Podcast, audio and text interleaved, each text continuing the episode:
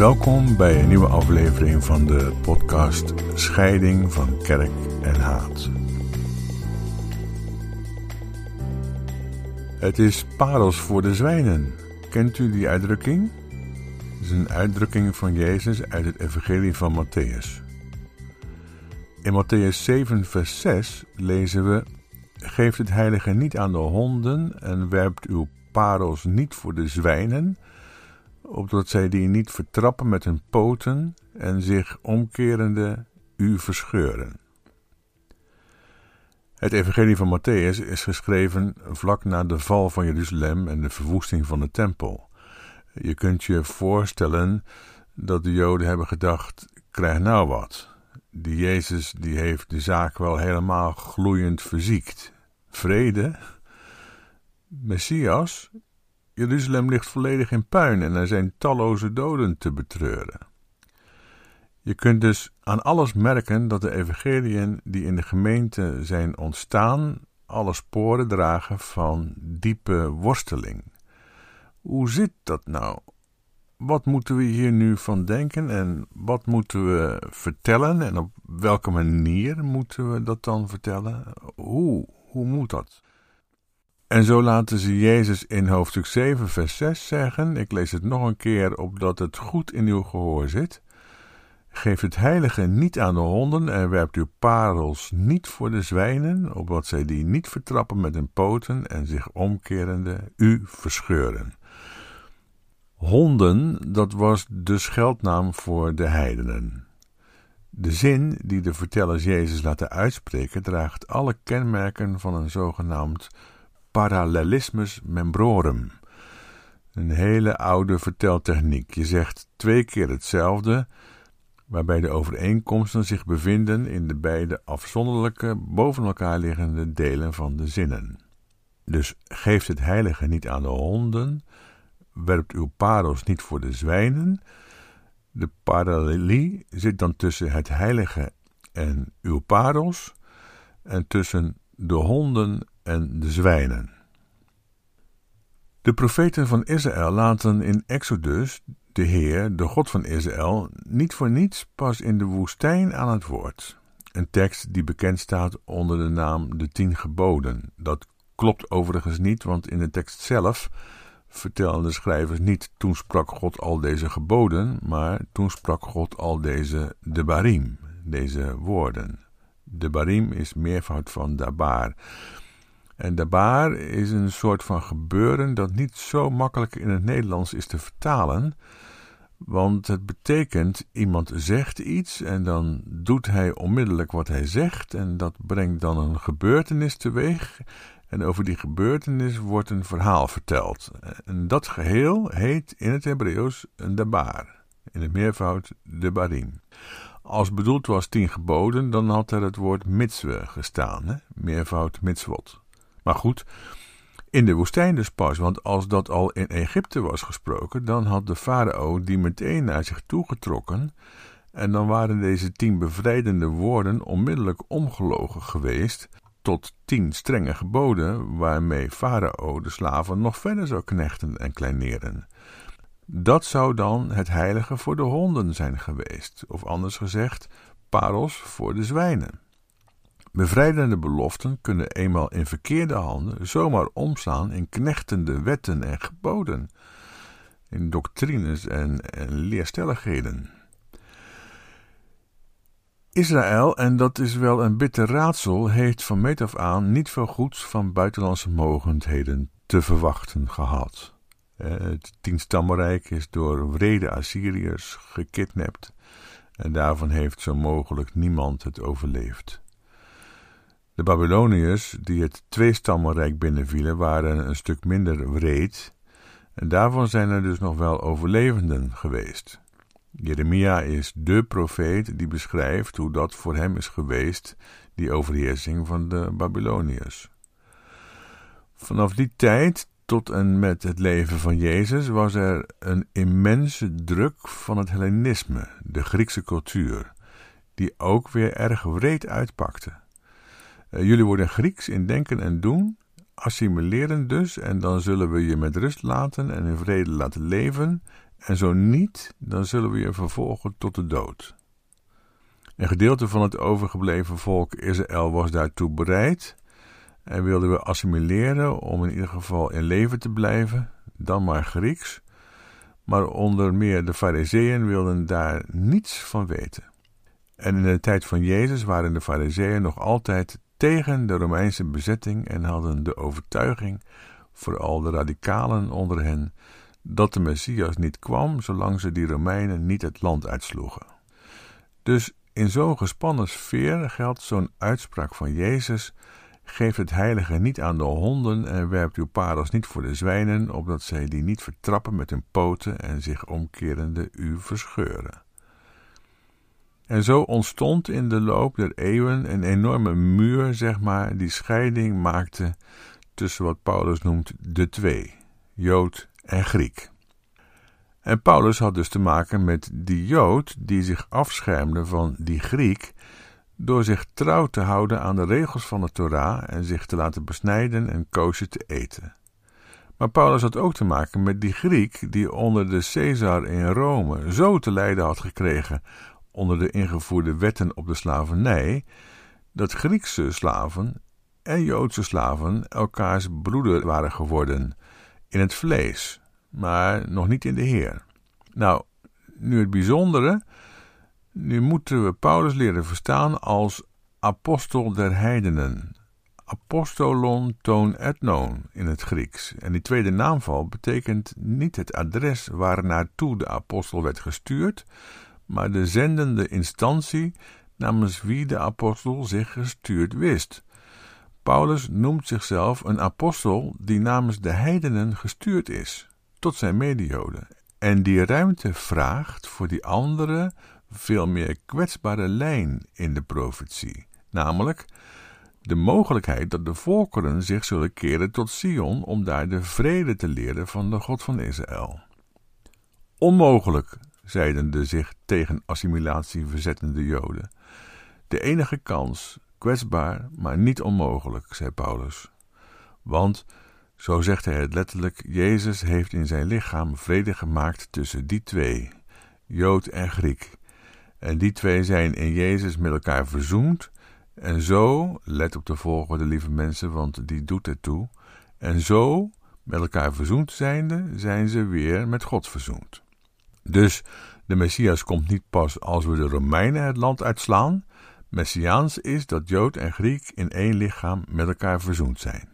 Nou ja, u kunt zich wel voorstellen dat een aantal jaren na de dood van Paulus, die in 52 of 53 in Rome zal zijn gefusilleerd, en die dus de oorlog die hij wel vreesde, maar waarvan hij hoopte dat die nooit zou uitbreken, de oorlog tussen Joodse ijveraars, eh, zeloten genaamd, en Romeinse legers, eh, de oorlog die hij wel vreesde, maar waarvan hij dus hoopte dat die nooit zou uitbreken, niet heeft meegemaakt.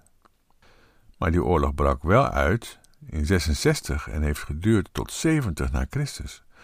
Dus u kunt nu begrijpen dat de Messiaanse gemeente, die verantwoordelijk is voor het verhaal dat Matthäus heet, geworsteld heeft met de vraag: hoe gaan we dat nu vertellen?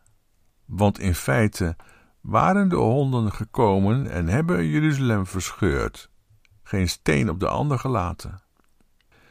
In hoofdstuk 7, vers 6 laat de verteller Jezus zeggen: Geef het heilige niet aan de honden en werpt uw parels niet voor de zwijnen, opdat zij die niet vertrappen met hun poten en zich omkerende u verscheuren.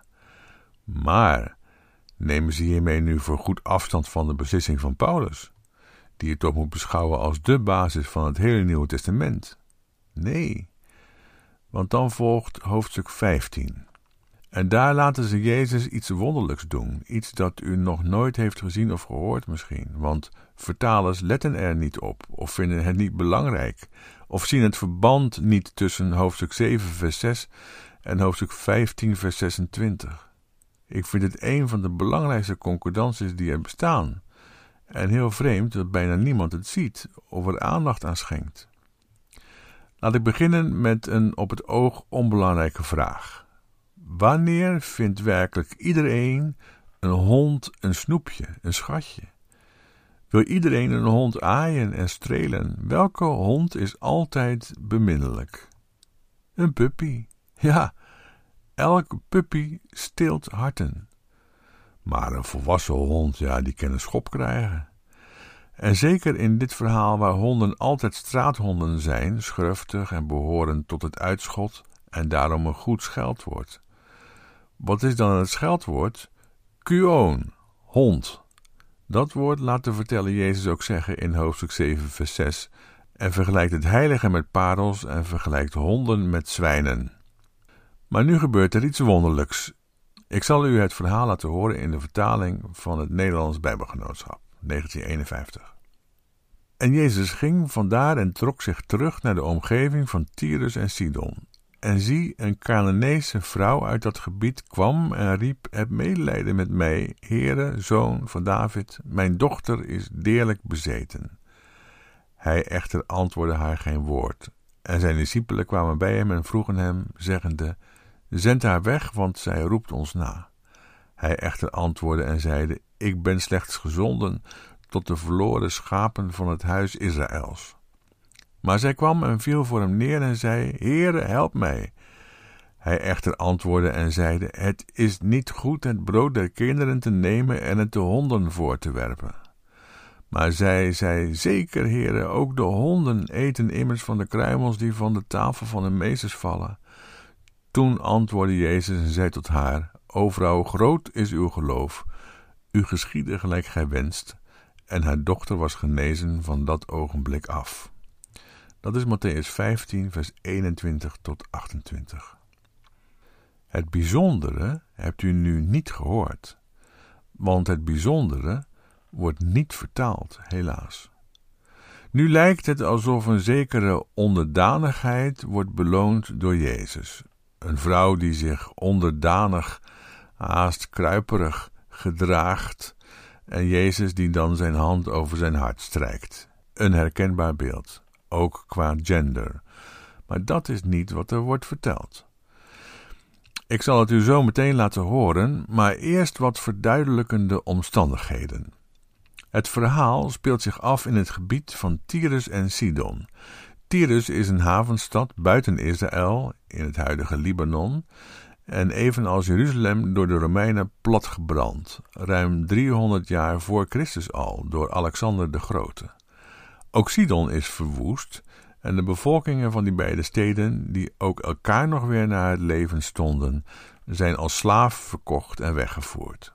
Over het vreselijke lot van Tyrus en Sidon valt al veel te lezen in de profeten Jesaja, Ezekiel en Zacharia. En in het Evangelie van Matthäus, maar ook in Lucas, doet Jezus de uitspraak dat het draaglijker zal zijn voor Tyrus en Sidon in de dag des oordeels dan voor u. Dan iets over de verhaalstructuur. Matthäus vertelt van twee wonderbare spijzigingen. Is u dat wel eens opgevallen? Hij neemt dat over van Marcus, die dat precies zo doet. En het is heel belangrijk voor het verstaan. De eerste wonderbare spijziging wordt verteld in hoofdstuk 14. Dat is binnen de grenzen van het land. Dan volgt er een opstandingsverhaal, Jezus gaande over de zee, dat is Jezus in zijn opstandingsgedaante, die de zee, de dood, met voeten treedt. Dan volgt er een gesprek over rein en onrein en daarna de tweede wonderbare spijziging, maar die is dan buiten de grenzen van het land. En het verhaal dat ik u voorlas over de Canaanese vrouw, Marcus zegt van haar, zij was Grieks, dat is de inleiding van die tweede wonderbare spijziging, waarbij het brood van de kinderen Israëls naar de heidenen wordt gebracht. Die Griekse vrouw met haar dochter staat voor de volkerenwereld.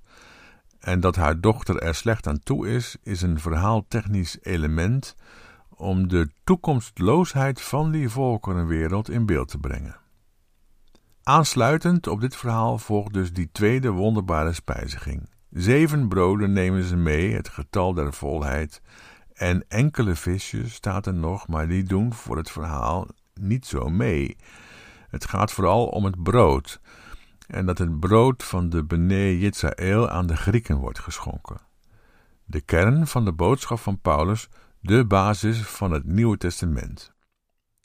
In de brief aan Efeze, geschreven door Paulus of door een van zijn leerlingen, staat het zo: Want hij is onze vrede, die de twee één heeft gemaakt, en de tussenmuur die scheiding maakte, de vijandschap, weggebroken heeft, doordat hij in zijn vlees de wet der geboden in inzettingen bestaande buiten werking heeft gesteld, om in zichzelf vredemakende de twee, Jood en Griek, tot één nieuwe mens te scheppen, en de twee tot één lichaam verbonden weder met God te verzoenen, door het kruis waaraan hij de vijandschap gedood heeft. Dat is Efeze 2, vers 14 en verder. Goed, en nu het wonderlijke. Ik lees nog een keer de tekst voor waarom het allemaal draait. Matthäus 15, vers 26. Jezus echter antwoordde en zeide: Het is niet goed het brood der kinderen te nemen en het de honden voor te werpen. Zegt Jezus hier nu exact hetzelfde als in hoofdstuk 7, vers 6 over parels voor de zwijnen? Nee, dat doet hij niet. Jezus verandert één woordje en daarmee laat hij de hele zaak kantelen. Jezus biedt een opening en van de opening die Jezus biedt maakt de Griekse gebruik. Zij neemt die opening aan. Het is dus niet zo dat Jezus haar gezeur zat is of zich door haar laat vermurwen. Dat is allemaal genderbepaalde mannenprietpraat. Nee, er wordt een opening gemaakt in de formulering. En in die nieuwe formulering wordt de verhouding tussen Israël en de volkerenwereld bepaald en vastgelegd. Hier wordt een soort formule neergezet waarmee ook na de verwoesting van Jeruzalem de Joden en de Grieken met elkaar verzoend zouden kunnen leven. Wat zegt Jezus dan? Hij zegt: Het is niet goed het brood der kinderen te nemen en het aan de puppies te geven. Jezus gebruikt nu namelijk niet het woord hond, kuon, maar het woord puppy, kunarion. Een heel ander woord in het Grieks dus, waarmee de verteller, waarmee de Messiaanse gemeente, na de val van Jeruzalem, toch verder meende te kunnen in de verzoening zoals Paulus die voor de val van Jeruzalem had verkondigd. Het komt er dus zeer op aan deze nuance, die een nietszeggende subtiliteit lijkt, maar niet is, goed te vertalen. De vrouw, de Griekse, gaat op de opening die de Messias biedt, de Messiaanse kans voor heling en toekomst in. Zeker, roept ze, want de puppies eten mee van de kruimels die van de tafels van hun meesters vallen. En daarvan zegt Jezus: Groot is uw geloof. Dit is namelijk die andere lijn in de profetie, die van Micha bijvoorbeeld, die hoopt dat de volkeren zich tot Sion zullen keren en daar hun zwaarden zullen omsmeden tot ploegscharen en zo de vrede zullen leren. Voelt u hoe gevoelig dit allemaal ligt?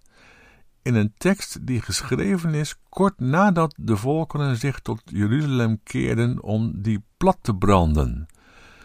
En hoe messiaans het is om daar niet de conclusie van wraak en eeuwige onmin uit te trekken, maar de messiaanse opening te zoeken voor een nieuwe en hoopvolle verhouding tussen Israël en de volkeren, waarbij de volkeren zich niet zullen gedragen als bijtende honden, maar als hartveroverende puppies, die voldoende hebben aan wat er van de tafel rolt. De verdere geschiedenis is echter een bittere.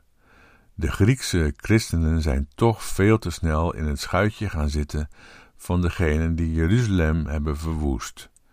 En de vervangingstheologie heeft als een bijtende hond vanuit Rome de kinderen van de tafel gejaagd en is zelf breed uit aan die tafel gaan zitten met vrome prietpraat dat God een nieuw verbond zou hebben gesticht met die christendommelijke kerk en het oude verbond met Israël zou hebben verbroken.